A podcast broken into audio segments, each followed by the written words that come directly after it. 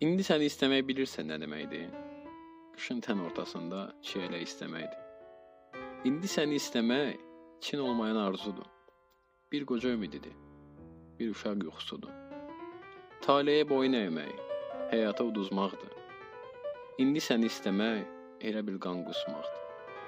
Bir dost təsəllisidir, bir düşmən sevincidir.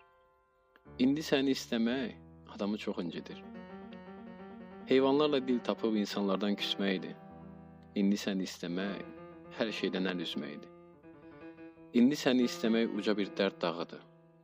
İndi səni istədim. Hər tərəfim ağrıdı.